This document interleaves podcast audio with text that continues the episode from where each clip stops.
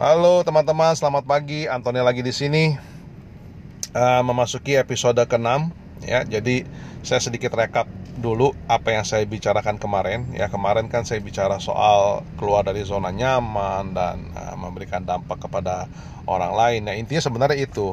Kenapa alasan saya menjalankan bisnis MLM itu adalah saya uh, mempunyai dua goal ya, dua desire saya yang saya mau adalah yang pertama saya memang itu saya pengen memberikan dampak ke lebih banyak orang lagi dan itu hanya bisa saya lakukan uh, kalau saya lihat ini adalah yang bisa saya lakukan adalah di dalam bisnis MLM ini gitu loh. Saya mempunyai kesempatan untuk melakukan itu, melakukan uh, impian saya atau desire saya atau goalnya saya. Itu yang pertama.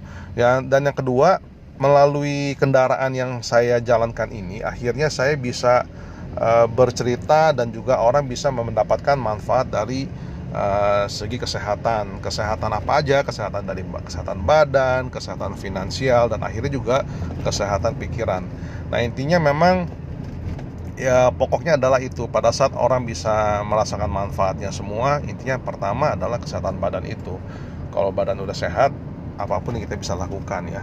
Nah jadi apa sih yang saya uh, apa uh, experience ya apa uh, mimpinya sih seperti itu tapi uh, rupanya memang tidak semudah apa yang saya bayangkan ya saya pikir ya memang uh, menjalankan sebuah usaha mulai dari nol memang susah. Karena tapi saya sudah punya pengalaman untuk mulai dari nol tuh buat saya nggak masalah. Jadi maksudnya uh, ya pernah ngalamin lah hal-hal seperti itu.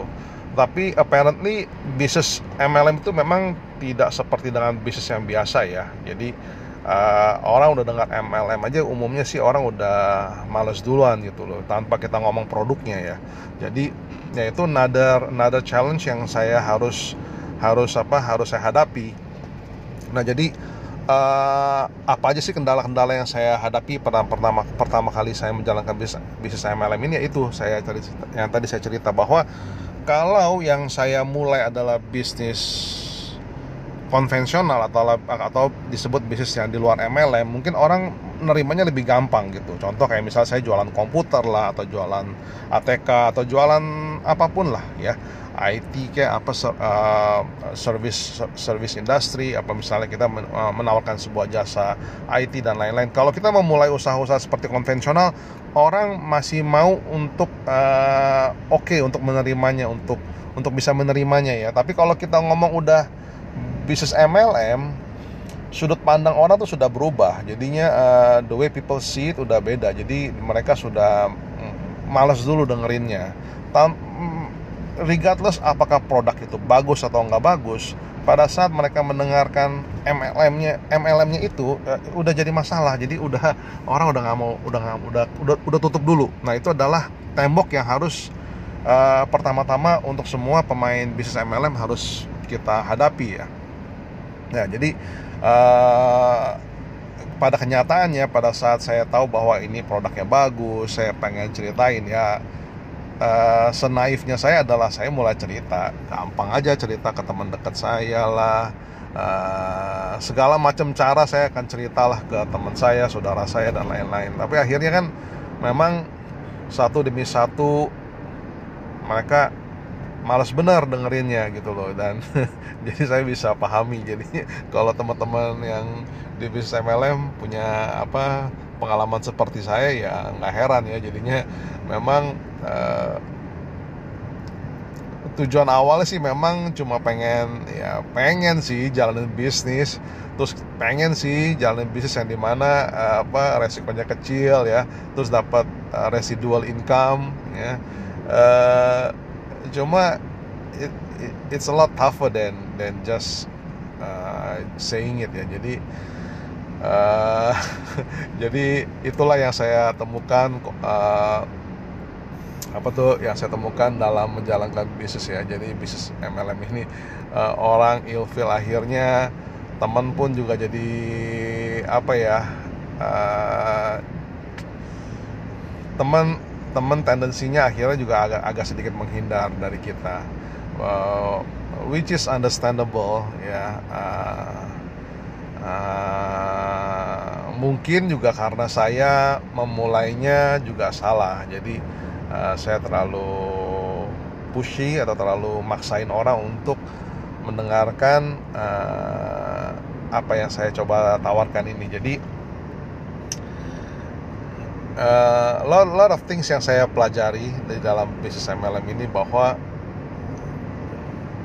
akhirnya saya mulai introspeksi diri ya. Begitu banyak orang yang apa teman-teman yang akhirnya menghindar dari saya saya mulai duduk introspeksi diri. Mungkin saya harus merubah cara uh, bagaimana saya bisa uh, bisa menawarkan uh, produk ini kepada teman-teman saya tapi akhirnya saya belajar untuk belajar menjalankan bisnis ini secara profesional ya karena kita harus bisa respect atau bisa memahami dan bisa mengerti kalau teman-teman kita atau saudara-saudara kita tidak percaya dengan apa yang kita punya. Nah, di situ saya belajar bahwa saya mencoba untuk tidak menjadi seorang pemburu atau hunter yang di mana pada saat setiap kali saya ketemu orang, ketemu orang baru, oke, okay, atau ketemu saudara yang udah lama nggak ketemu, atau ketemu temen yang udah lama nggak ketemu, langsung saya sodorin uh, produknya atau langsung saya sodorin business opportunity-nya. Jadi uh, saya belajar di sini adalah yang kita harus lakukan adalah kita harus membangun trust, membangun relationship,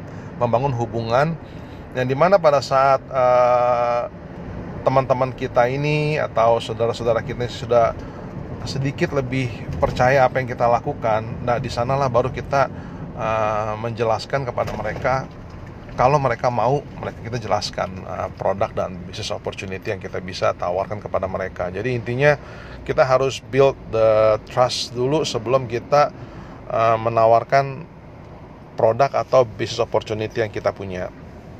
Nah, jadi uh, kita mulai intinya belajar menjadi seorang petani yang di mana kita selalu menanam menanam dan kita nggak pernah tahu kapan kita bisa tuai. Yang kita aktivitas yang kita bisa lakukan adalah kita terus menanam.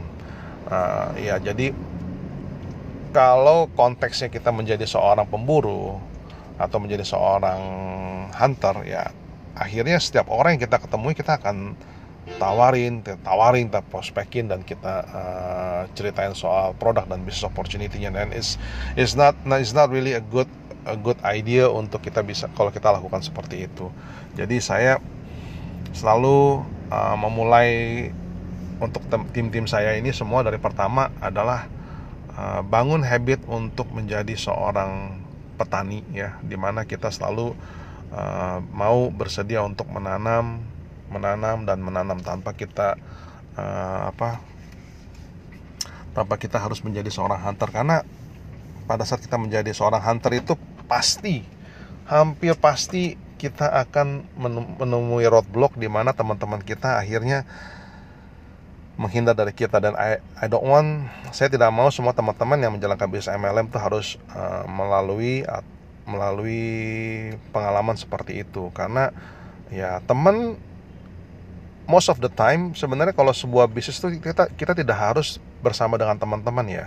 Jadi uh, ini bisnis yang kita lakukan kita bisa apa kita bisa jalanin sendiri aja. Nanti kalau misalnya ada yang percaya dalam bisnis atau dalam produk yang itu yang kita tawarkan ya dari sana kita bisa bangun hubungan menjadi temannya juga nggak ada salahnya. Tapi kalau kita yang sudah mempunyai teman yang sudah memang kita sudah tahu backgroundnya kita sudah tahu mereka memang uh, mereka sudah tahu uh, karakter kita seperti apa. Dan uh, kalau mereka mereka nggak percaya dengan produk yang kita tawarkan ya nggak masalah. Jadi kita have to learn to deal to deal with it to, to, deal with it.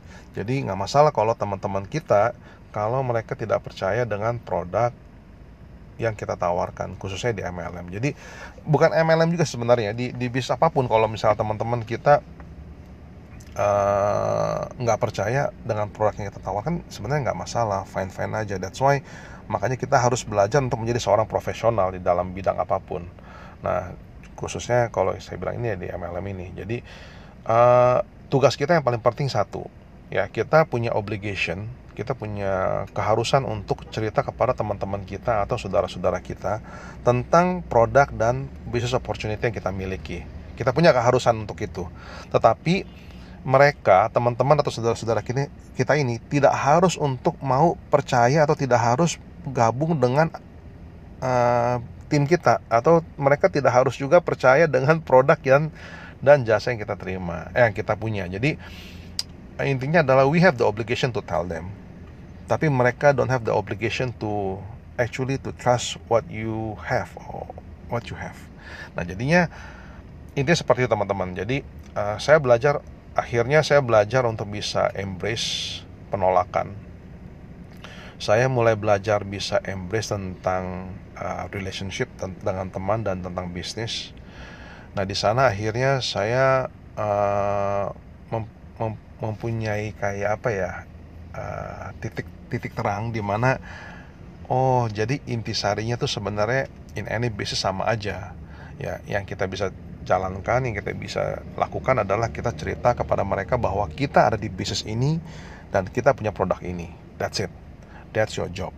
Tapi untuk mereka join tengah join atau mereka mau beli apa nggak beli that's not your part. That's not your job.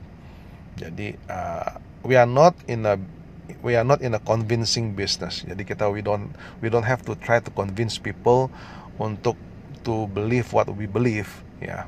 Tapi our job is to tell the story, to tell your story, uh, to tell your experience, to tell your uh, product, to tell your business opportunity. That's about it. Nah, uh, untuk cerita hari ini sampai di sini dulu teman-teman. Besok akan saya sambung lagi untuk episode berikutnya. Untuk teman-teman yang mau uh, mau gabung dengan saya atau misalnya mau kenal, kenal lebih dalam dengan saya saya ada di Facebook Facebook page saya adalah di A N T O N I T A J U N I Anthony Tajuni A N T O N I T A J U N I Oke, uh, besok akan saya cerita lebih seru lagi. Terima kasih teman-teman, salam sukses dan get rich. Bye bye.